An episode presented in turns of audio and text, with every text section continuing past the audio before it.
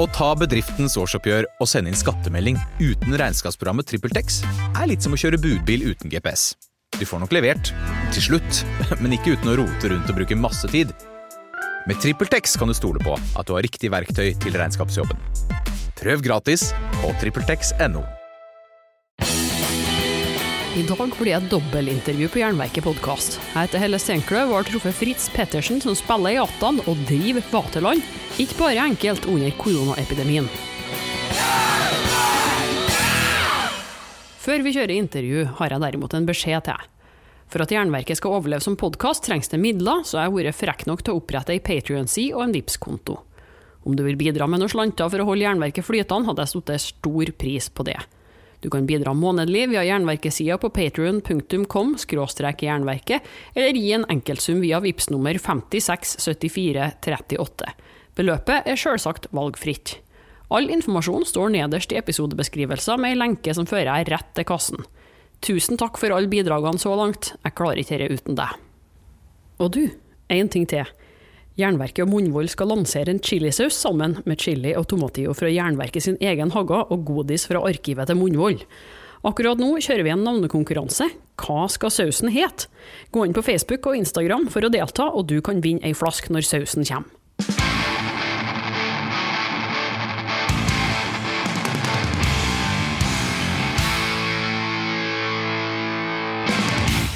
Ja, hvordan er formen, Fritz? Jo, formen er jo veldig bra. Eh, med tanke på at det er så mange som ikke er friske, så har jeg det veldig bra, må jeg si. Klart å holde deg unna viruset så langt? Ja, det har jeg. Jeg har ikke hatt eh, noe som ligner på symptomer heller, selv om det er sikkert lett å tro at man er syk i disse tider. Og du følger Folkehelseinstituttets eh, anbefalinger slavisk, regner jeg med? Ja. Jeg har liksom barn og sånne ting, så jeg må ut og lufte litt. Det kan jo kan jo være litt sånn vanskelig eh, å finne de rette plassene å være på, men eh, det, det får vi til. Det, det, er mange som bor tett. Jeg, jeg bor i gamlebyen i Oslo. Ja. ja. det er liksom ikke bare bare å finne seg en ledig flekk, merker jeg, nei. Men uh, må gjøre det beste ut av det. Ja, ja da, og så ser jeg jo, altså, Man trenger jo nesten ikke å se på folk engang. Alle skjønner. Alle jobber rundt hverandre. Så jeg er egentlig ganske imponert. Folk er, er langt mellom hver gang jeg føler at noen ikke tar hensyn. Ja. Det er helt uten at vi snakker sammen, til og med. Det bare, bare glir. Det er ganske fint. Ja, for um, nå når vi tar opp den uh, episoden her av Jernverket, så er det 8. april 2020, og vi er ja, snart en måned inn i uh, tiltak mot korona. Det største inngripen i fredstid. Og det skal vi jo snakke litt om etter hvert, men folk er jo òg sikkert dritlei av å høre om korona nå. Eh, det har ikke vært skrevet om noe annet i avisene den siste måneden, så vi skal gjøre litt forskjellig. Nei. For du er jo en mangefasettert eh, fasettert kar. Fritz eh, Ragnvald Rivala Pettersen. Ja. Jeg vet ikke hvor mange faser du skal ha med, men det, det blir spennende. Ja, nei, eh, det, det, blir et dobbeltintervju med én person, for eh, du spiller jo i Atan. Bass og synger litt. Og du eh, styrer Vaterland, ei av rockebulene og spisestedene i Oslo. Så vi skal snakke om begge deler. Men uh, for å unngå litt korona nå som i starten, så at ikke folk skrur av med en gang Jeg vet jo aldri, kan jo at de er så lei at de ikke orker. Så starter vi med band. Hvor uh, begynte uh, musikerkarrieren din? Gammel var du, og hvor starta det hele når du fant ut at du har lyst til å begynne å spille? Ja, altså, jeg begynte nok å spille i det var jo sånn ungdomsskole-type Nei. Jo, det var det nok. Ja, La oss si at det var ungdomsskole. Jeg, altså, jeg begynte å høre på rock og metal da jeg var fem år. Uh, så det har liksom vært med ganske lenge. Jeg hadde noen uh, uh, en bror og noen søskenbarn og noe sånt som vi bodde sammen med, så det var på en måte var, ja, Det er veldig kompliserte familieforhold, det skal ikke jeg gå så dypt inn i. Men, men ja, de, jeg husker når jeg var fem år at jeg sto i senga og hørte på Twisted Sister og Headbanger. Jeg hadde en jeg hadde langt, blondt sånn hockeysveis. Og så hadde jeg en svart, nei blå, en sånn denim-vest med Lynyrd Skynyrd, sånn Skull Crossbones-logo på ryggen. Uh, det var da. Og så når jeg begynte å spille, jeg var jo egentlig lenge etterpå. Uh, jeg gikk jo gjennom liksom, litt forskjellige perioder der som tenåring, men tidlig ungdomsskole så var det litt musikk, sånn musikk-valgfag-type ting. men jeg husker spesielt da jeg var på en UKM. UKM-greie hvor det var band som spilte da. Og da var det et lokalt punkband som het Spunk som spilte. spilte. Jeg tror jeg spilte ja, jeg spilte med Sex Pistols. Og den energien som, som, ble levert den gangen, da, da, da, skjønte jeg det. Da var det sånn Ja, det her skal jeg gjøre. Og siden det så var det liksom å starte band, og så har det gått i ett uh, siden den gangen. Så la oss si jeg var 14, 13 år da, og så band i 14, 15, 15 vil jeg vel si at vi begynte å pusle med venner, så ble det litt mer seriøst etter hvert.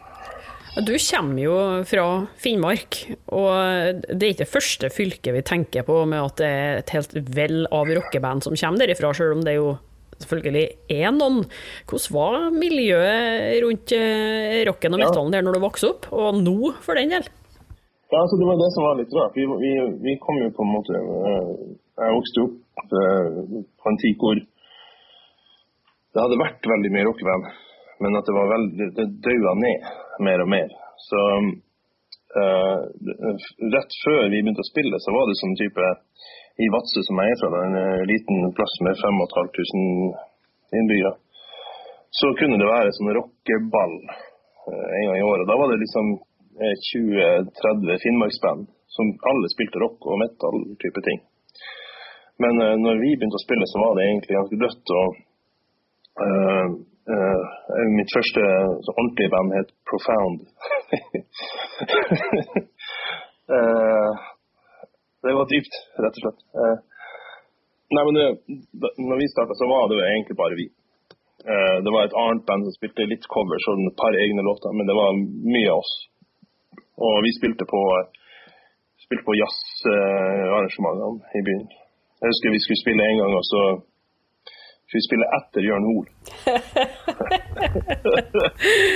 og så hadde, så hadde Jørn Hoel fått det for seg at han skulle spille sånn Tom Waits-cover på slutten. Og så fikk han veldig god respons på det. da, Og da var det liksom Ja, ja jeg har jo tilfeldigvis eh, fire-fem til Tom Waits-låter. Så endte det med at han dro det jævlig ut, da. Og da, eh, da eh, til slutt, når vi skulle på der, så var det ikke mer tid. Så kom han bak og bare ja, sorry gutta, eh, det var dumt at dere, ikke fikk spille. Har dere plate? Da hadde vi aldri akkurat eh, lagd en demo. da. Så vi ja, ta, ta den med ut, så setter vi oss i baren og hører på. ja, min beste, eh, min beste Jørn Hoel, by the way. Men da satt, endte vi opp med å sitte og høre på den nye demoen vår sammen med Jørn Hoel. Det, det, var ikke så jævlig stas. Vi var egentlig jævlig skuffa det. Vi hadde lyst til å spille. Utrolig bra historie, den, da. Jørn Hoel. Ja, det har blitt det. Det har faktisk blitt det. Ja. Og, og, jeg må si det, jeg husker jeg var jo da også litt glad i Tom Waits. Og fy faen for en Tom Waits Jørn Hoel gjør. Det, det har jeg lyst til å si igjen. Han har jo litt den stemmen eh, Jørn Hoel òg, faktisk. Han har det, altså. Ja, han har alltid hatt det. Han har en hestkvalitet der. Så eh, ja, jeg kan tenke meg at det gjør han enda bra, faktisk. Men nei, ja, ikke så mye band da. Eh, men det har jo vært litt rundt omkring. Og det er jo eh, en del medlemmer fra, fra traktene. Du har jo Marvin fra Kvelertaket og fra Bossjord rett over fjellet. Det er en eller annen fyr fra Vardø eller noe sånt som er med i Europe, har jeg hørt. Ja, det kan stemme. Og så, ja, og så har du jo han eh, Hva heter han? Lex Icon fra Covenant. Han er jo fra Hammerfest eller noe sånt, tror jeg. Og så har vi jo vår alles kjære Intrigue, pluss at uh, Runar, pressesjef ja, i Infernofestivalen, han er jo fra Bugøynes. Ja, Runar kjenner jeg fra vi var barn.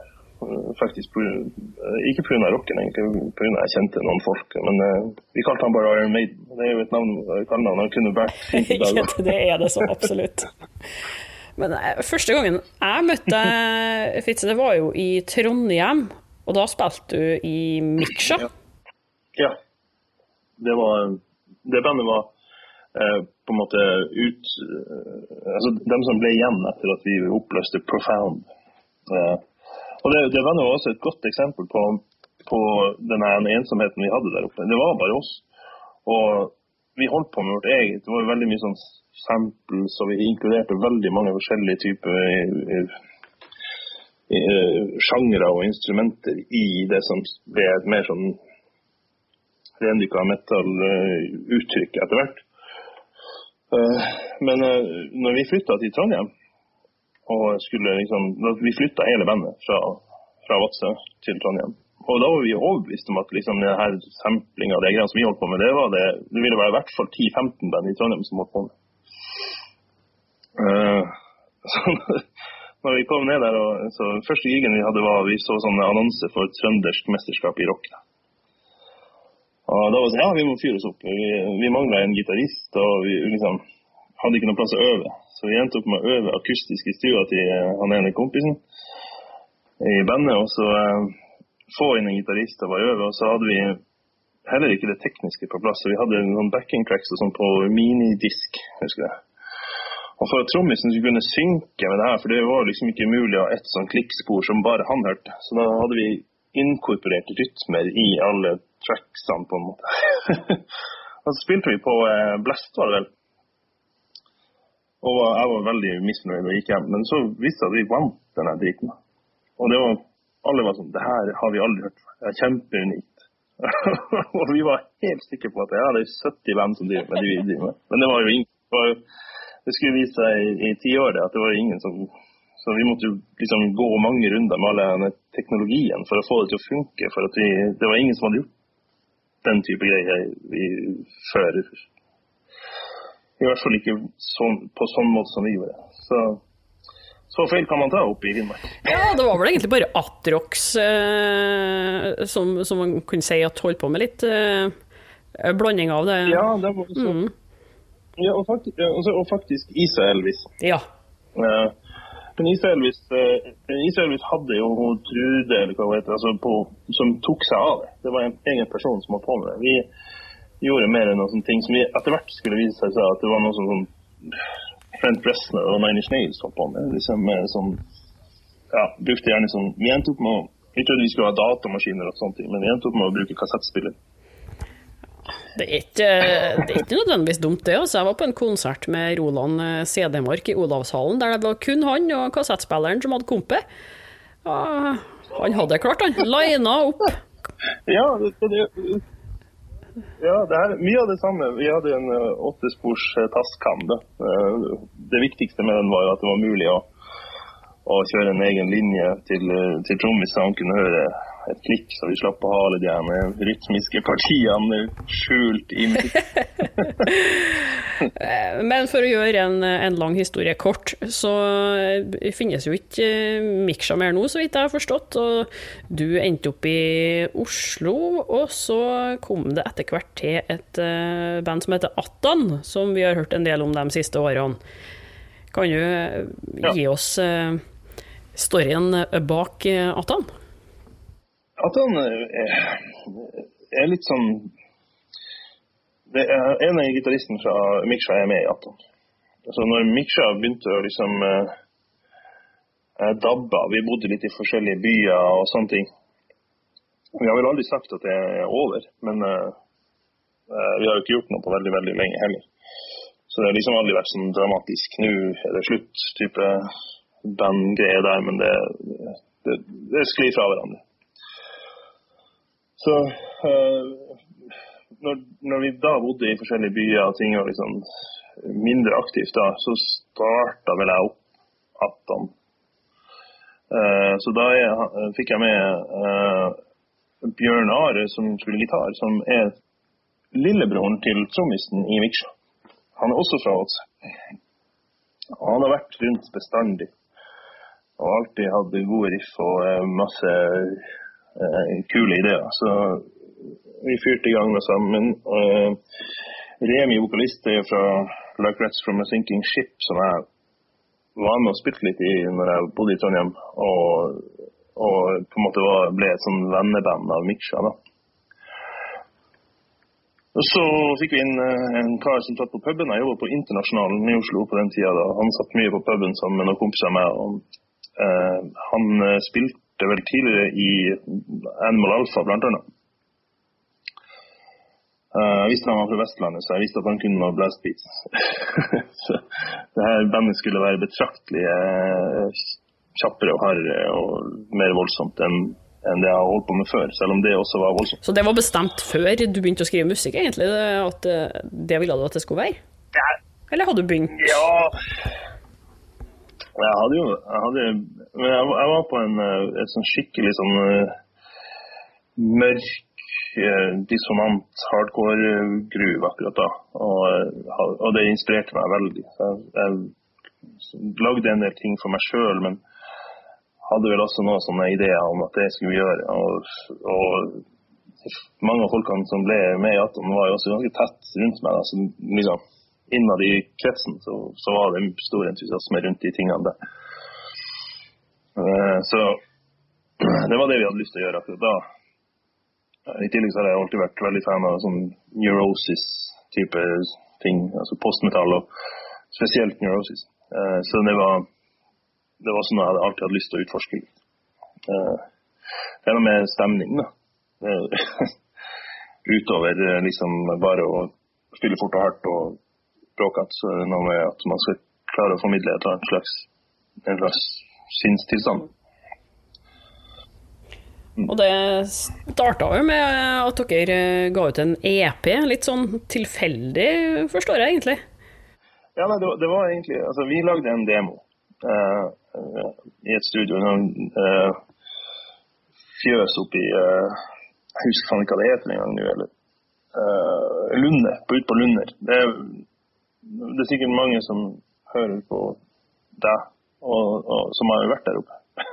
Tenker jeg nå. Men det er en sånn fjøs der oppe. og Vi har spilt inn der det, det materialet vi hadde på den tida. Vi ville noe som vi, sånn at vi kunne sende litt rundt og lage få noen gigs og litt sånn. Og kanskje lukte litt på plateselskap.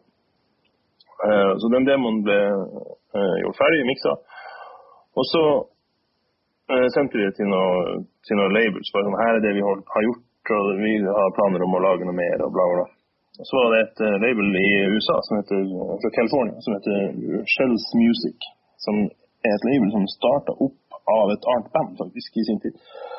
Men de hadde gjort litt sånn tøffe ting som, som jeg visste om fra før da, og likte. Så de hoppa på med en gang og sa det her skal vi gi ut. Og ikke, vi skal ikke bare gi det ut, vi skal gi det på vinyl og full avdeling. Så det ble jo en, eh, en sånn 180 grams uh, langspiller-vinyl uten at vi hadde planlagt det til å begynne med. Eh, det var jo artig. Kult. For det var litt sånn spesielt eh, plateselskap Ja, òg, forstår som ikke ga ut eh, Plenty-band i året. Var nesten litt stort å komme ut der. Ja, de, ja de, de, det var veldig sånn Når de gjorde noe, så gjorde de det veldig ordentlig. Og så, altså med, liksom, de var veldig opptatt av fysisk artig fysisk format. Men altså, det fysiske formatet de ville gjøre ting ordentlig sånn sett. Eh, og de hadde jo en ok distribusjonsavtale og sånne ting. Så det var, var liksom sånn Fra å egentlig ikke ha gjort noe særlig, eh, verken live eller nå i, i hjemlandet, så var det liksom rett ute i verden.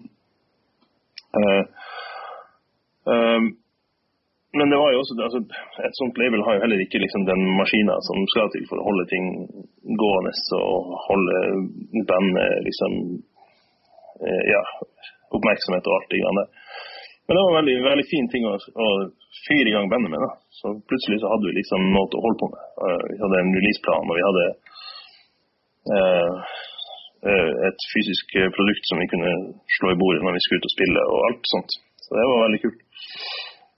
Eh, ja. Dette var jo i 2015. eh, EP-en het eh, From Nothing, og ballen begynte å rulle litt, foruten det at dere da hadde kommet på plateselskap og sånn, så ble det litt konserter, og, men, men det tok jo en del år før dere førte opp med End of-plata i 2018. Hva skjedde de her tre årene mellom Ja. EP-en og albumet? Eh, vi spilte en del. Vi, vi, vi var noen turer i England og turnerte. Vi gjorde en del ting i Norge. I tillegg så var det litt sånn knuslet med innspillingsprosessen. Vi, vi gikk på en, en innspilling uh, som, ble, som ikke funka. Vi spilte inn alt, og så var det noen vokal og noen greier, og så måtte vi forskyve det. og Det var liksom frem og tilbake. Og så I tillegg så tok det ganske lang tid å lage. Det gikk veldig fort fra vi lagde den første EP-en, for da var det liksom det her er det vi har, spilte vi inn, og så bom, så var vi liksom i sving. Men da hadde vi jo liksom tømt lageret. Uh, og, og, så var det å finne liksom, hva, hva er det bandet liksom, vi liksom, Det er litt tidlig kanskje den første utgivelsen kom, så vi var ikke forberedt på det. Uh, og, og, og, liksom gå videre. Så vi måtte ta oss litt tid for å forske litt på hva det skulle være, det nye albumet. Uh, I tillegg så tar det ganske lang tid å, å skrive ting i det bandet. Vi skriver altså, Mange ideer kommer fra enkeltpersoner, men det, det meste gjennomarbeides i plenum i fellesskap. Så det tar tid. og Det er jo to, snart tre eh, barnefamilier involvert. Eh, vi hadde en, uh, en flyttesituasjon og en, han, vokalisten flytta til Trondheim en periode. Eh, så faktisk ble vel plata spilt inn mens han bodde der. Så det er en del sånne ting som gjør litt, gjør at det tok litt tid. Hvordan eh, jobber dere med låtskrivinga? da? Hvordan blir eh, ei Attan-låt til? Hvis du kan ta et eksempel. Ja, det, det er flere tilnærminger. Eh, vi har en veldig han, ene gitaristen Bjørn Are han er veldig produktiv. Han sitter alltid og, og lager ideer. Han gjør sånn demoer på dem. da, med liksom, Han programmerer trommer og spiller og holder på. Så noen ganger så kommer han med en hel idé. Og så går den gjennom kverna, og så er det liksom blir vi enige, da, på noe vis. Andre ting så er det Jeg kan gjerne komme med en, eh, et riff, og så kanskje et riff til. Og så liksom ja, det her greiene uh, skal bli noe. Og så jobber vi sammen hele gjengen for å finne ut av det. Um, ellers så kommer det også ideer fra, fra andre kanter. Det har vært liksom gjort bare her, her er noen trommegreier som vi må gjøre. Eller har et kult liksom, vokalgreie som vi må gjøre. Så det, vi prøver hele tida altså, å holde bandet åpen innenfor på en måte det vi har som, som Vi har en slags omriss eh, av hva vi har lyst til å holde på med. Men det skal liksom være åpen for hvor musikken tar oss. Og det tar litt tid. Hvis man hører på, på den siste skiva, f.eks., så er det veldig stort spenn fra de her ett og et halvt minutts lange uh, grind-type låtene til, uh, til, mer de her Altså vi har en på ti minutter postmetall-låt. Så det uh, få, få de her tingene til å liksom sitte i hop i en låt i seg sjøl og i, et album Eh, tar også tid, har vi funnet Jeg har jo forstått at, um, at det å få med live-energien er noe dere gjerne vil ha på plat òg, og det er det jo mange band som har prøvd, men det er ikke så veldig lett å få til sånt i studio, når man ofte kanskje står én og én og spiller inn over veldig lang tid. Eh, for um, Attan omtales jo som et helvetes spetakkel, blant annet. Og hvordan, hvordan, får de frem den her live-aggresjonen når de står i et studio og bare skal skrive låter? Altså, det, det, må jo være sånn at ene tar stange hodet inni den andre og kaster gitaren i været og dytter basstromma. Altså, det, det Ja, det der er jo litt sånn eh, det, det, er interessant. Det, er sånn, det, finnes jo mange forskjellige produsenter, og deres tilnærming til det her er jo altså, Det er jo det er sånn tema som aldri blir utstudert. Det bare fortsetter og fortsetter og fortsetter med ideer. Det finnes jo noen som er veldig sånn hands on. Han er kan jeg ta med han er ja, Korn og senere The Cure og At The Driving og han produsenten og Ross Robinson. Han er veldig sånn hands on. Han liker å gjøre det ubehagelig for folk.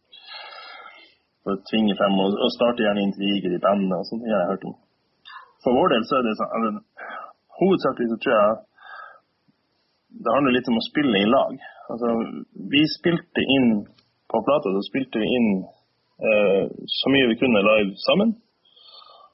Og for å holde på energien, så, så kunne man liksom overdøve etterpå, men opp mot den live-energien som vi klarte å skape. Uh, jeg er ikke 100 sikker på at det er den beste måten å gjøre det på, men jeg syns det funka på plata. Uh, så jeg føler at den, er, den har en viss sånn umiddelbar følelse. Uh, men det, jeg tror som, som, musiker så er det der noen som er en sånn holy grail. Liksom, eller hellig gral, skal jeg jo si til deg. Ja, ja, ja. Du kjenner meg. som, som, som, man på en måte driver og jakter etter. Og, det, skal ikke nødvendigvis finne den heller. Du, du skal bare jakte. Men noe må dere jo ha fått til, for når End of albumet da kom i 2018, så var ikke det få stående ovasjoner rundt omkring. Altså den, den, plata fikk god dekning, i hvert fall i kretsene jeg fulgte med i, og ble godt mottatt. Den, den var jo ei bra plat, selvfølgelig, så fortjent, men, men, det er ikke hver dag et relativt nytt band kommer med et sånt smell heller. De hadde jo skifta plateselskap, jeg vet ikke hvor mye det hadde å si, eller om det var bare rett tidspunkt. Ja, det, altså vi, vi, nytt plateselskap gjorde at vi hadde liksom litt mer uh, hjelp på PR-sida. Det har sikkert sitt å si. Uh, men uh, skiva traff også litt en eller annen slags tid. Spesielt når vi var i England, så merka vi det. At det var liksom det var, det var, lett for Der i hvert fall har jeg inntrykk av at, at bransjen som metalhammer og sånne ting, de er litt opptatt av hva som foregår i øyeblikket. Og Det var liksom lettere å komme inn der enn jeg hadde opplevd tidligere. Jeg har turnert mye i England, og sånne ting, men den skiva der så var det litt sånn Ja, OK. Vi, så vi traff nok litt mer i tida der med det vi holdt på med. Uh, uten at det har vært noe sånn uttalt mål for oss. Uh, jeg tror ikke du kan Hvis du prøver på å treffe det, så så blir det drit. så, men, men ja, det hadde nok litt Og så tror jeg det at vi hadde faktisk, altså Fra starten av da, så var vi over i England og turnerte og vi gjorde sånne ting. Så mye av den festen som du snakker om, uh, var jo derfra. Uh, og en del i Europa. og som, som, som liksom toneangivende der. Og så. jeg hadde liksom gjort en del grunnarbeid før skiva kom. Vi hadde vært og turnert på den EP-en allerede og liksom truffet noen folk og gjort noe inntrykk. Så eh, når, når, du da kan innfri folks forventninger litt, så, det, så, så, blir det litt fart på saken. Så det var veldig, veldig, veldig hyggelig. Vi fikk jo eh, kjempefine tilbakemeldinger. Det, det, var, det er kult. Og det må være kult å spille litt rundt, rundt i verden òg, ikke bare i Norge. Altså, ikke bare England, men ute i Europa. Japan ble det på dere. Og, kunne du si litt om, eh, ja. om det? ja. Nei, Japan var eh, Ja, Europa har vi gjort litt for lite, syns jeg. Der skulle vi gjort mer. Vi har vært litt i Nederland og sånne ting, men jeg skulle gjerne gjort, gjort mer.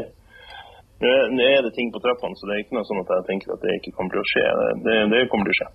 Uh, men men uh, Japan, ja, det, det, er langt hjemmefra. Altså. Annerledes? Ja da. Det er, liksom, det er, det er liksom logistisk å, å få til liksom, at du skal reise langt bort og du har familier og alt mulig. Men når man er der, så var det det er jo kult. Det er, veldig mye veldig mye band, altså. Veldig mange band. ene kvelden spilte vi på uh, i Osaka. Og det var åtte andre hardcore-band samme kvelden. Og lokalet var sånn Det lå i U2, altså to etasjer under jorda. det var en brannfelle fra helvete, men det var jævlig kult, altså. Det var, og og, og så en av de altså, Ja, vi har jo vært bort på liksom ville publikum og sånn, men da var den der knyttneva og ninja-style var virkelig innarbeid. Så det ble jo skikkelig voldsomt. I Japan, eller?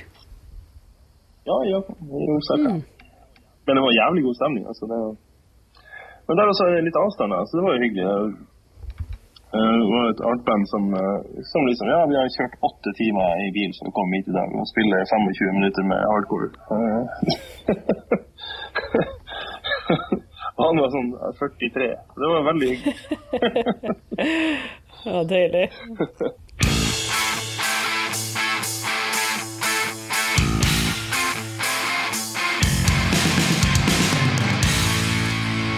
vi må snakke litt om tekstene deres. Nå skal ikke jeg påstå at jeg har eh, lest, studert dem inngående, eh, men jeg har jo fått med meg at dere bl.a. har en tekst som handler om Jan Hanvold, predikanten. Og det passer jo veldig bra akkurat nå, siden den berømte TV-kanalen hans opptrent lova en, eh, en, beskyttelse mot korona hvis du ga hva var det, 2000 kroner eller noe til Visjon Norge? Ja, ja det, er gode, det er gode tider for sjarlataner eh, av alle slag. Enten man tilbyr alternativ medisin eller, eh, eller frelse. Uh, Dessverre. Ja, det, ja. Altså, når vi snakker om det sånn, så ser det seg nesten sjøl altså, hvordan man kommer på å skrive en tekst som handler om uh, den mannen her. Men uh, du må utdype det litt likevel. Tanken bak det å bringe uh, Hanvold inn i metal hardcore-verdenen. Jeg tror det er veldig mer nærliggende enn folk kanskje tenker, tenker på. Altså det, det, noen ganger så handler det bare om å uttrykke pur aggresjon. Hva er det som gjør deg forbanna?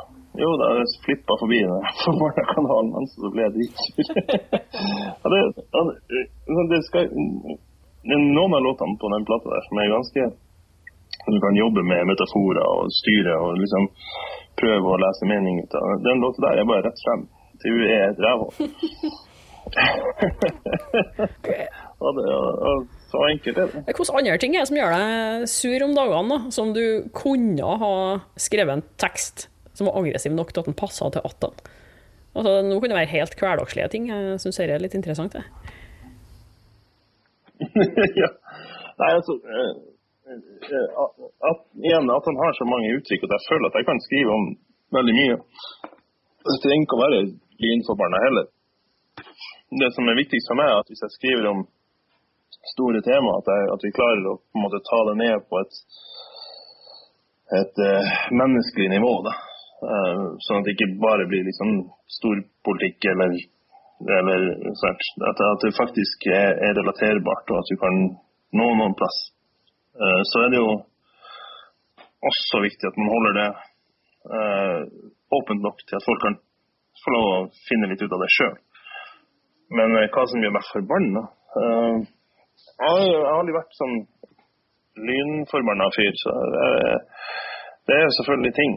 Eh, men det tar litt tid for meg å bli forbanna, så jeg jobber meg gjerne inn i saker. Og så er det sånn ja, det er ikke så kult. Og så er det eh, så er det noe med at man Hvis du, hvis du er rett i lynnet og ting som, som du er skuffa over, spesielt med meg sjøl ofte, kjenner jeg det blir ofte inn til sinne når jeg skal skrive om det. Mm. Ja. Altså, sånn, ja, det er et tema som går igjen på den plata, for eksempel, er jo eh, miljø og hva vi levner til ungene våre. Og da, da, er det veldig lett å kjenne på sin egen på en måte eh, hyklerske eh, tilkortkommenhet. og det kan gjøre meg kjempeforbanna. Mm. Eh, det er liksom jeg, jeg, jeg, liker ikke å peke så jævla mye finger, med mindre, med mindre det er sånn type Jan Hanvold åpenbart jævla moralen hans er ute og sykler. uh, for, for, folk har sitt å stri med. Uh, men jeg, jeg, finner ofte ting som, i meg sjøl som, som, gjør meg forbanna. Mm.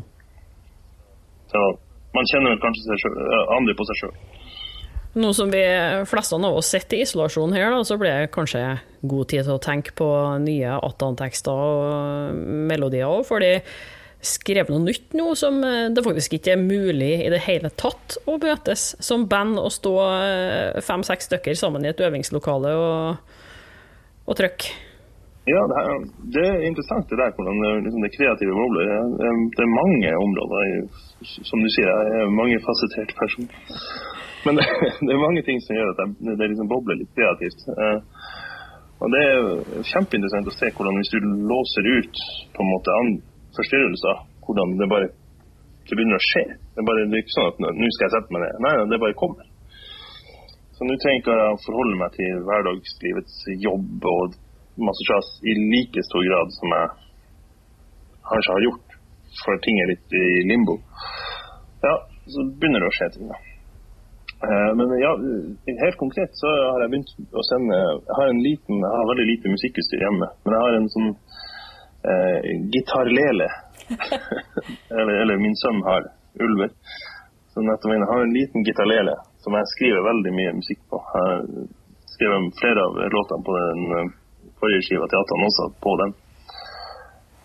Eh, og hver dag, da, når jeg står opp nå så ordner jeg drift.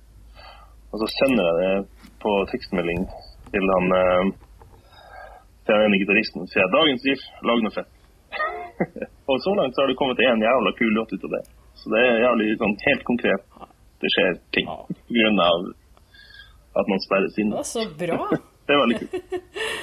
ja, jeg så jo at de, de vant og spilte to konserter akkurat før eh, det ble forbudt, rett og slett, å spille konserter. Og vi vet jo ikke når det åpnes ja. igjen for sånt. Så eh, det er vel ikke bare bare å sette seg ned og planlegge turné da.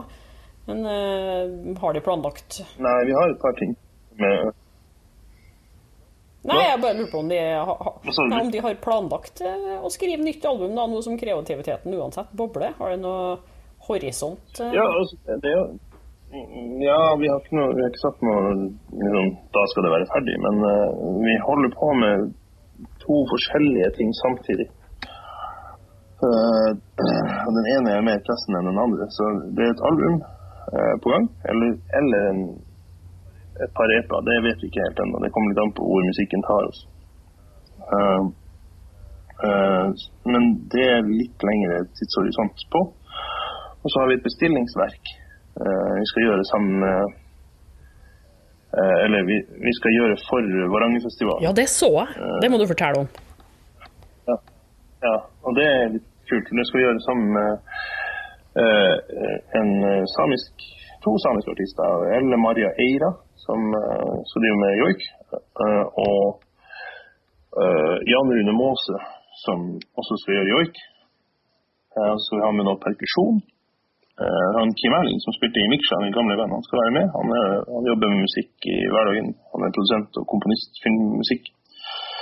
Han skal være med, og det her skal da være uh, uh, vi som kommer sammen og utforsker felles på en måte inspirasjonskilder mellom det som vi driver med, den ja, metal, hardcore, ekstremmetall, om du vil, og, og nordnorsk og samisk folk og joik. Veldig spennende. Uh, og det, ja, og det, det, det, er helt sinnssykt. Altså, sånne band som oss får ikke sånne muligheter. Så vi syns det er jævlig kult at vi får den sjansen. Og vi skal um, da spille uh, i ja, sånn som planen står nå, i hvert fall. Da. Vi får se hvor det blir. Uh, så skal vi spille på Eh, i august.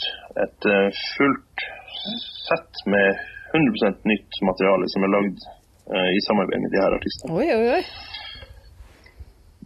Der har vi vel lagt oss på en linje at vi skal Det, det, det blir um, Mye av det er jo Skissene på mye av det her er skrevet allerede. og Vi jobber med liksom å få det sammen nå. da, og det, det blir vel den seigere, mer postmetall neurosis-aktige biten av at han som skal ut og joikes med. Men dette er noe de får tatt opp, da, så det går an å høre det i etterkant? Det hadde jo vært kult med liveutgivelse, kanskje, eller eh? Nei, men Det er ikke så mange som, som vet om det her ennå. Altså, vi har jo annonsert det, men jeg har ikke snakka med så mange om det. Mye for at jeg er mye hjemme. Men når folk hører om det, så sier de det samme som du, da. Kan vi få, kan vi få hørt det? Og kan vi kanskje få sett det? Blir det flere muligheter? Så vi har fokus på denne datoen i august. Men, men det er klart at kanskje åpner det seg muligheter for andre ting også. Mm. Men vi, vi velger å ikke tenke på det så mye. Nå skal vi lage en veldig bra konsert. Det, det er målet. Det er bra. Jeg synes, men jeg syns jo at dere er et band som er flink eh, til å profilere dere og, og synes. For jeg, jeg flira meg skakk av den der Oslo-guide-videoen dere laga for Metal Injection. Hvordan kom det på plass? Altså, ja, ja, ja. det, det, det, er jo en kort og grei, men den viser hvor du skal drikke og ete i Oslo. I hvert fall når det regner. ja, Plutselig er det regner. Nei, vi uh, jeg husker ikke helt hvordan det skjedde. Uh, men uh, vi som band reiste på en festival i England en gang i tiden som het uh, Tempelsfest. Den er nå nedlagt, det gikk gærent. Det var en kjempebra festival i et par-tre år, og så gikk det donk. Eller to år, og det tredje året skjedde ikke, for det gikk donk. For, for, bra til å være sant, er vel regla der. Men der traff jeg uh, Frank, som har blitt en litt sånn han er norgesvenn nå. Uh, fra Metal Injection. Så det er mulig at det kom derfra. At vi fikk liksom Hei, dere er i Oslo, og hva er fett i Oslo? Kan dere vise oss litt av det? Uh, uten jeg husker, jeg husker ikke helt hvordan det der kom sammen. Men eh, veldig kult å gjøre, da. Eh, Oslo er jo magisk. Eh, så det er veldig mye kult å vise frem. og vi, Den var jo kort, men det er internett. Man har litt over tid. Det er nok noen flere ting vi kunne vist frem, men sånn ble det. Det var en søndag i Oslo med litt for mange øl. Det, før vi begynner å snakke om Vaterland, så, så er vi nødt til å dele noen ja. uryddige historier om Atan. Det er ingen band som slipper unna det å enten dele ei fadese eller eh, noe artig, noe tragisk, noe komisk. Altså, når man har spilt et par konserter, så har det skjedd noe som er litt Spinal Tap, eller sånn fanboy-øyeblikk, eller noe som dere flirer av og snakker om i mange år etterpå. Har du noe sånt å dele med oss? Uh, vi har uh, klart å gå på uten vokalist en gang. Aha. Det var en sånn intern kommunikasjonssvikt hvor vi bare liksom det er ganske, Atlantisk musikk er ganske liksom, Når det går i gang, så går det unna. Uh, og da gjelder det at alle er med. og så hadde vi sånn gå på bandet først, og så kommer vokal. Og så hadde vi vel miskommunisert eller et eller annet. Og så eh, kjører vi i gang, og da står, står uh, vokalisten på dass. Jeg hører at liksom Å, satan! Midtveis i første vers, og så kommer han hoppstupende inn på scenen og bare uh, Vokalisten skal ikke være på dass når du begynner eh, låten. Det, det, det, ja, det var litt sånn spennende. Mer spennende hadde det vært hvis han hadde vært innelåst der, men det var han jo ikke. Ja, det, det er jo liksom Alle som har turnert i England, har jo hatt en sånn overnattingsgreie. Vi hadde jo en fyr som kjørte oss rundt en gang, og så insisterte han på at vi skulle overnatte hos han eh, en av natta. Og da, han hadde tilfeldigvis to huskies. Svære jævla hunder fra, som, som dreier sleder og sånne ting. Mm. Og da bodde han sammen med en liten sånn eh, engelsk eh, leilighet. Uh, og da var det ikke så greit å være eh, astmatiker, som to av oss er. Eh, og voksen opp med huskyhår under forhuden. eh, så ja, sånne ting skjer jo på en måte hele tida. Eh, men jeg hadde et lite sånn eh, Jeg kom over et eh, rart intervju med Miksha som var litt sånn eldgammelt her om dagen. Da fikk jeg en sånn, en sånn mimrerunde. Uh, og Da kom jeg på en historie som vi var, vi var og spilte i Ålesund. Og så skulle vi dra hjem, og så etterpå så kom eh, en av de Ålesundsbandene og sa ja, vi har en gig i morgen, vi skal spille på en sånn liten fotballpub. Smutten, tror jeg den heter. Og liksom ja, faen, det her er ganske gøy, kan ikke vi bare bli med? Vi bare blir over, og så blir vi med. Ja, ja. Og så ble vi over, og så eh, jeg tok meg en drikke hele dagen, og så jeg spiller den gigen da. Bitte liten sånn supporter-type pub. Og eh, jeg husker vi måtte ha basskabinettet i vinduet bak trommene for å få plass til å spille. Og så er det liksom, det er OK med folk, men så tar det så jævlig av på, foran scenen der. Så det er tre stykk som, som klarer å headbange og klinke hodene sammen sånn bink samtidig. Og alle detter ned som en sånn rose på gulvet. og en fyr havner i ambulansen. Han blir henta av ambulansen. Og våkner opp inn i ambulansen og bare ikke aktuelt, jeg skal ikke kjøres herfra. Han skal tilbake på konsert. Så han kom stormende inn igjen i lokalet og fullførte konsert. Uh, dedikerte folk i Ålesund. Jeg har lyst til å ta tilbake og spille der. Åh, herlig.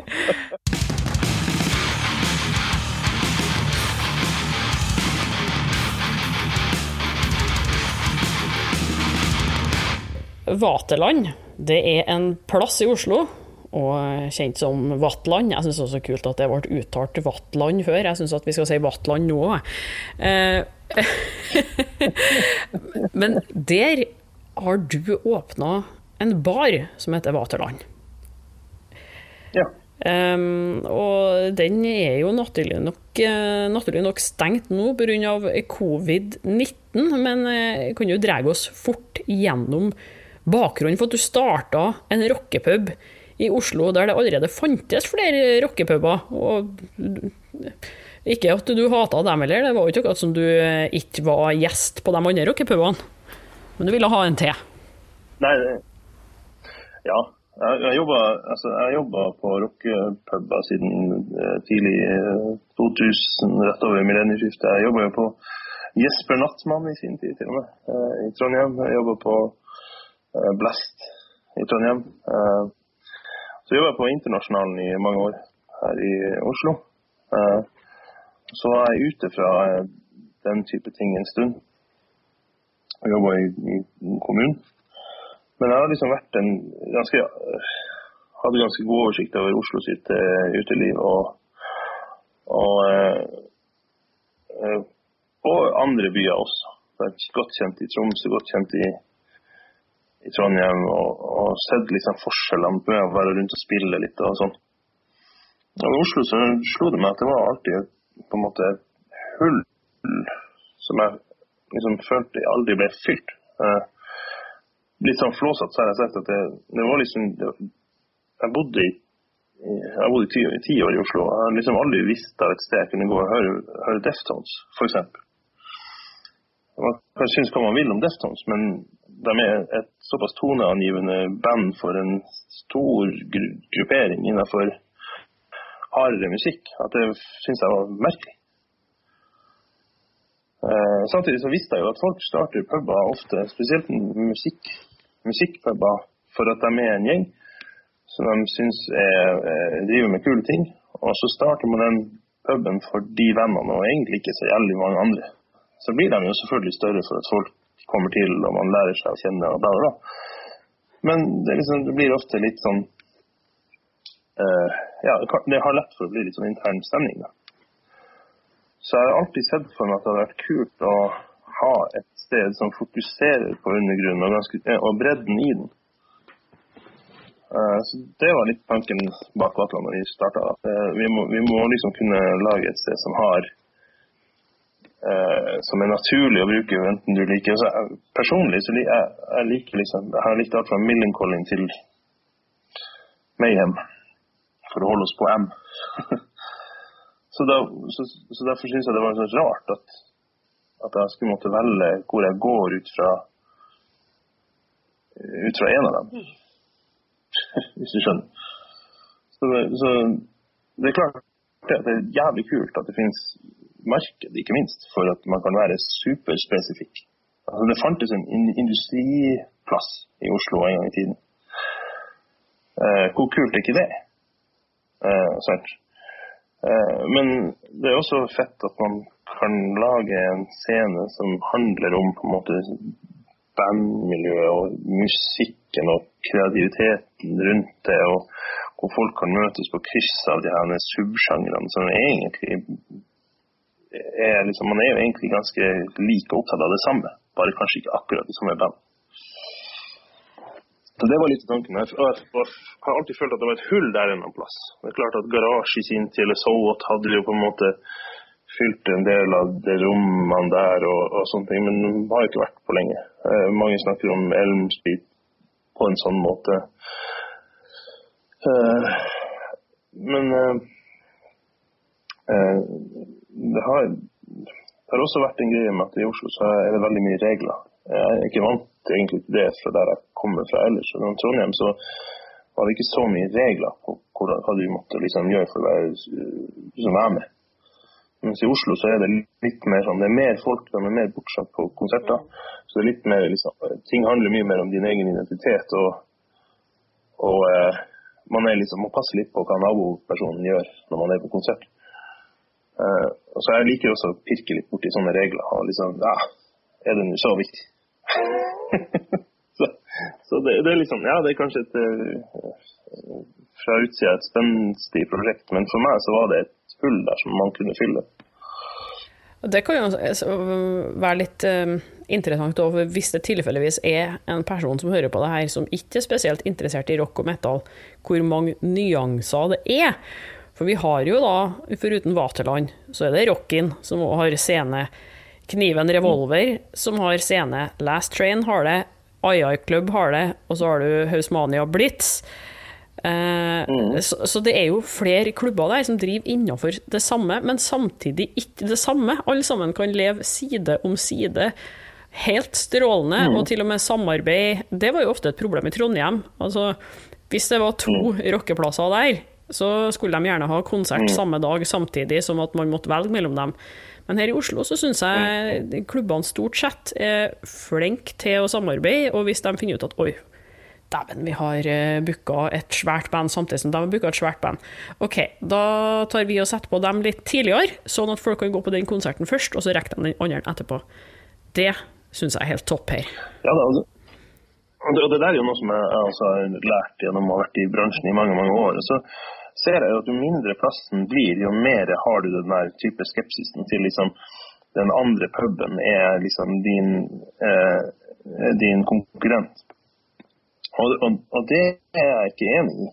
Altså, jeg mener at, at synergiene eh, mellom pubene, enten det er innenfor sjanger eller eh, innenfor én musikktype stil, eller bare en sånn som ja, i Lille Vadsø som jeg kommer fra, så er det liksom bare snakk om to puber. Eh, den andre puben er ikke din konkurrent. Synergiene derimellom er så sterke at hvis man jobber sammen om å få flere folk ut, så har begge godt av det. Og Det handler litt om at, at den egentlige konkurrenten er sofaen til folk. Det er den du skal slå. Og jo sterkere tilbudet er mellom pubene, ja, jo flere får du ut av den sofaen, og jo bedre er det for alle. Eh, så Det er kanskje en sånn naiv tanke, men jeg, jeg syns ikke det. All erfaring tilsier at hvis man jobber i lag og gjør ting attraktivt Det er masse folk som liker rock. Det er liksom tøvete mye folk som egentlig ser på Tons Rock. Det, det, det, er masse folk som liker rock. Og det er én eh, Spektrum-konsert, da. Vi er jo heldige å ligge rett ved siden av Spektrum. Plutselig er det 9000 stykk på en, en metal-konsert. 9000 stykk fordelt på alle de plassene du sa i sted. Levner enda 8000 plass uten, folk uten en plass ja. å gå. det gjør det. Men de går jo til Karl Johan, da, så de får bare ha det så godt. ja, ja, vi har glemt det med skotsmenn. Ja. og det når var det? Er det to år siden Vaterland åpna nå? tida går så fort at jeg, jeg husker ikke Jeg var der på åpningsdagen. Ja, det var du. Uh, det, har jeg, det, det er dokumentert. uh. OK. Ja, det er første gang jeg har fått anmeldelse på akustikk. Jeg likte det ja, veldig godt. Det, det, det, kan vi ta etterpå. det, bli, det er blitt bedre, da. Men uh, jeg, jeg, jeg, er fortsatt her hvis dere har mulighet til å be om hjelp, for jeg vet jo at det, det handler om uh, hva man har lov til å gjøre og ikke i lokalet. Men ja. ja da, ja, det, det, handler om så mye rart. Ja, det det, men, men, men, ja, nei, du du er, nesten spot on. altså. Vi har bursdag 13. april. Vi åpna fredag 13. april, så vi har bursdag snart. Uh, og Vanligvis så ville vi hatt en stor ståhei bursdagsfest og liksom hatt en DJ-maraton og noe, med band og noe greier. Men i år så er vi jo innelåst, får ikke lov å holde på. Så da blir det et eller annet streamopplegg. Eh, det blir noe livestreamopplegg. så det gleder jeg meg til. Jeg, vi er ikke helt banka den inn ennå, men noe blir det. Jeg har inntrykk av at det har gått bra de to årene dere snart har holdt på. Det har eh, blitt mer og mer konserter og stort spenn i det. Dere har eh, god mm. pizza, og det er to etasjer der, sånn at man får gjort litt forskjellig. Jeg var jo der og så wrestlingfilm eh, i fjor. Så, så dere gjør litt forskjellig, mye sånn morsomt. Og jeg, jeg, jeg syns dere er Eh, for å skryte enda litt mer, jeg syns jeg er veldig god til å se hva det er som skjer i byen, og bare lage et arrangement ut av det. Sånn, å, nå mm. er det leirdueskytingsstevne på Frogner. Eh, la oss se om vi finner en eller annen obskur musikkvideo der de har brukt leirduer, og så eh, leier vi inn en DJ som driver med det, som spiller etterpå. Altså, dere er litt der. Ja, ja, ja da, vi, vi, prøver å være litt der. Det, altså, det handler om at Jeg pleier å si på, litt igjen på liksom, når jeg snakker med folk om det her med aktivitet. Så, så, for oss så er det litt som om vi er alene hjemme hver dag. Så la oss gjøre noe, da. Hva, hva... la oss ha et hva er du mest stolt av det du har fått til på Vaterland, sånn foruten det at den har klart å drive den i to år, da, for det er jo heller ikke bare bare. Men, men hva er du mest stolt av, av eh, det du har arrangert og gjort der de to årene? Det, det, det, det blitt en sånn vanvittig liste. Og, eh, starten på Vaterland var såpass eh, dramatisk. Vi starta på ganske kort tid, selv om mentalt så har jeg vært forberedt på det her eh, veldig lenge i mange, mange år. Eh, men fikk liksom ikke startskuddet før like før vi åpna, egentlig. Og da, siden det så har det bare liksom vært å grinde på, kjøre på. Så veldig få anledninger til å stikke hodet over vannet og så se tilbake på hva vi har gjort. Men det skjer jo at jeg på en måte flipper gjennom bildene, f.eks. På, eh, sånn, på Facebook så har du eventene så har du sånn det her er Vaterland, liksom. Og så er det masse bilder. Og den enorme produksjonen som man har hatt i løpet av eh, de to årene, er helt, helt vanvittig. Og det er bare helheten i seg sjøl er stolt av. Jeg er veldig stolt av at jeg har fått punkere og metal-folk til å henge sammen. Eh, jeg er veldig stolt av at vi har lagd en pizza som jeg har rykte langt utenfor rockemiljøene som vi på en måte har sikta oss inn på. Og den solveggen, da, så alle vil jo være på Vaterland? Ja, ja, det er også veldig fint. Jeg er veldig stolt av at vi bidrar positivt til Brugata, eh, som er en ganske belasta eh, område for tiden. Eh, jeg er stolt av at vi lever så godt sammen med dem som er i Brugata til enhver tid. Det er mennesker med sine liv, og vi må eksistere sammen med dem. Vi kan ikke late som om at her er vi butikk og dere må gå vekk. Det, de er der. Og det må vi få til i lag. Og jeg er stolt av at vi får det til. Vi har veldig lite gnisninger med sånne type ting. Vi har veldig lite utfordringer med sånne ting. Vi har lite bråk. Eh, så det er ekstremt mye. Og ikke minst er jeg ekstremt stolt av at vi har klart å samle en sånn personalgruppe som er helt vanvittig å jobbe med. Det er så fint at folk på en måte gjør mer, langt mer enn de får betalt for. Eh, og det er helt helt rått. Så over all forventning så langt. Eh, og ja, så der er det ekstremt mye å være stolt det, det, er helt øvende. Det er et eventyr så langt. Er jo det her en utfordring, da. Med, med stengt, stengt, land. Men eh, det er jo felles for oss alle. Ja, for det må jeg nesten spørre om. Hvordan går det med dere oppi dette nedstengte landet. Altså Pga. koronaviruset så er jo alt av skjenkeplasser i Oslo stengt nå. Det er noen restauranter og kafeer som klarer å holde litt åpent, men det er jo håpløst å ha to meter avstand mellom hver kunde på det som ofte er små buler og sånn. Men så har du jo utrolig trange marginer, husleiene er skyhøye, du får ikke inn penger på noen måte. Det trenger ikke gå mange dagene før eh, ei stakkars rockebule eller en eh, naturvinplass eller en jazzklubb eh, går dukken, altså. Hvordan, hvordan går det? Hva ser du for deg at Nei, Det er vanskelig umulig å si når du kan åpne igjen. Altså, vi vet ikke på det tidspunktet her, 8. april. Regjeringa har ikke sagt noe om at pubene får åpne opp den 27., sånn som ja, frisøren får, da. Nei da, de har ikke det. Vi hadde jo håpa kanskje at Det var jo i går de faktisk uh, eh, snakka om å begynne å åpne opp litt igjen her og der. Og, uh, og, så, og så, sa de vel da at kulturarrangement da, og, og, og uh, sportseventer uh, er 15.6. Det er jo en lang tid før vi kan være i, i hvert fall i full drift, sånn som vi var en eller annen slags form for drift kommer nok etter hvert, men, men per nå så vet vi jo ingenting. Og Det er klart, det, det skjedde fra en pangstart. Eh, altså, vi har jo sett på en sånn stigende kurve hele veien. Etter hvert som vi har fått tid til å sette mer av konseptet, sette mer av det vi jobber med å få til. Eh, så hele tida har det handla om å bygge miljø og alt det greiene eh, Så har det bare gått oppover og oppover, oppover, og så over natta så pysj. Nå er det ingenting noe mer. Det er klart at det, da går du fra å kunne planlegge og gjøre ting litt lenger frem i tid, til å ikke, eh, ikke kunne gjøre annet enn bare hvordan skal vi klare den neste husleia. Uh, og sånne type ting. Så der er vi nå, da. Det er,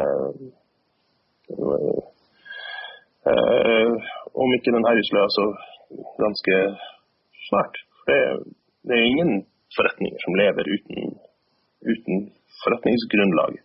Og vi har jo per nå ingen inntjening. Det er klart at eh, vi har vært heldige at noen vil eh, gjøre noen ting på dugnad for oss. Og vi har fått en del donasjoner, og vi selger litt sånn pizza, og klippkort på Vipps og sånne ting. Eh, vi er veldig opptatt av å skulle gi tilbake når folk vil gi til oss. For det er jo atter en ting som jeg kan være stolt av, er jo at folk kommer, eh, kommer til oss og sier hei, hva kan vi gjøre? Mm helt uten å ha noen slags tilknytning, foruten å bare elske å være på stedet. Det, er jo, det er meg jo ekstremt stolt og utrolig takknemlig uh, at folk gjør sånn. og at, at, det viser også at vi har skapt noe som betyr noe for mennesker. Og det, altså, foruten å lage arbeidsplasser, foruten om å lage lage sine egne versjoner, få anledning til å jobbe med de tingene, så, så, er det jo det man har lyst til. Lønnen til, til, til, min sønn og, min, og mitt liv er én ting, arbeidsplassen til andre er noe annet. Men altså, når du er ferdig med alt og når du har gjort det her igjen, så har du lagd noe som betydde noe for folk. Og det er jo det er ekstremt fint å kjenne på. Det er jeg takknemlig for. Mm. Kanskje det man eh, at du sitter igjen med som eh, å være mest stolt over i de to årene. Da. Det, kan jeg se for meg. Ja, det er jo klart, ja. Men eh, de har ja. jo kjørt strømmekonserter, da, og det er jo artig. Det gjør at uh, Vaterland ja. sitter i minnet, og jeg ser at det er en god del folk som kikker innom der. Ja, det er absolutt. Og det er en ting til som kan være topp. For en fleksibilitet. Altså På null tid så har vi plutselig peiling på hvordan vi gjør det. Det kunne ikke vi for to uker siden. Så nå kan vi plutselig lage flerkameraproduksjon med rockeband eh, direkte på internett. Eh, det, og det er jo en ganske takknemlig situasjon å være i når, når, man jobber med folk som på en måte tar en sånn her beskjed. Altså, alt du gjorde i går, får du ikke lov til å holde på med i dag. Ja, OK, da må vi gjøre noe annet.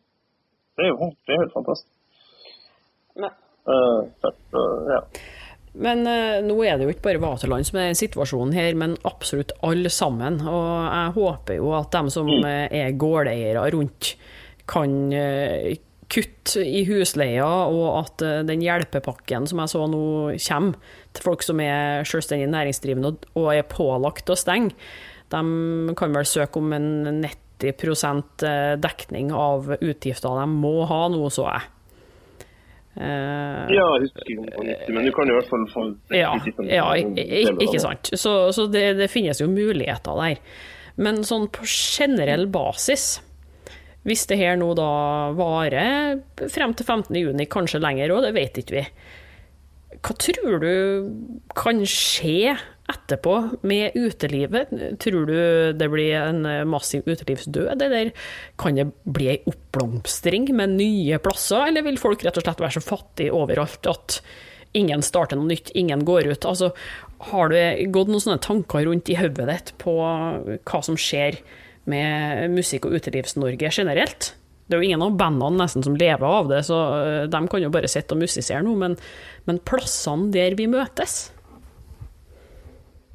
Ja, nei, Det er veldig vanskelig å si hva som kommer til å skje. Det er klart at Jo lengre tid det her tar, jo vanskeligere blir det for mange. Uh, uh, det kan det ikke være noe tvil om.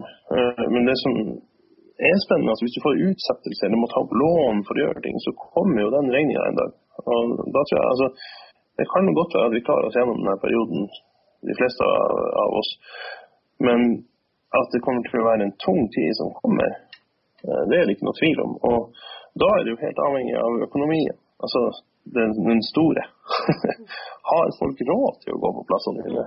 Eh, og, og, hvor fleksibel er du, ikke minst. Det, det, det der har vi jo lært da, i løpet av kun kort tid. at det, handler om å være fleksibel og, og finne rom, i, liksom, enten i konseptet ditt eller i hvordan du driver med konsert, for å kunne snu og tilpasse seg et marked som egentlig endrer seg litt hele tida, men aldri så grovt som det har gjort nå. Mm. Så det, det er jo sånn kjedelig på en måte butikkprat, men det, det er jo også realitet. Det, så det, det, blir spennende. Det blir spennende å se. Jeg, jeg blir betrygga av, av, å høre at folk bryr seg. Uh, om at liksom, faen, er, uh, folk venter og gleder seg til å treffes igjen. Uh, og, og, være og delta i det som vi holder på med. Det syns jeg er fantastisk. Også at, at, at ingen har visst noe tegn på liksom, ja, ok, da var det over, sette seg ned og gi opp. Det, har, det ser jeg ikke. Nei. Altså kollektivt i, i, bransjen. Da ser jeg ikke det. Og det syns jeg er helt utrolig inspirerende. for det, det er det som er liksom realiteten. Altså, mange kunne jo bare gitt opp nå. Det er hardt nok i hverdagen. Mm. Men jeg ser ikke. Jeg ser en ekstremt positiv holdning, og folk finner på nye ting hele tida. Uh, du ser altså, bare denne streamer-boomen som kom med Brakkesyke og alle de andre som holder på. Det er vanvittig kreativitet og, og eh, løsningsorienterte folk som, som, finner nye måter å, å gjøre ting på. Så ting kommer til å være helt annerledes når vi kommer tilbake. Det er ikke noe tvil om.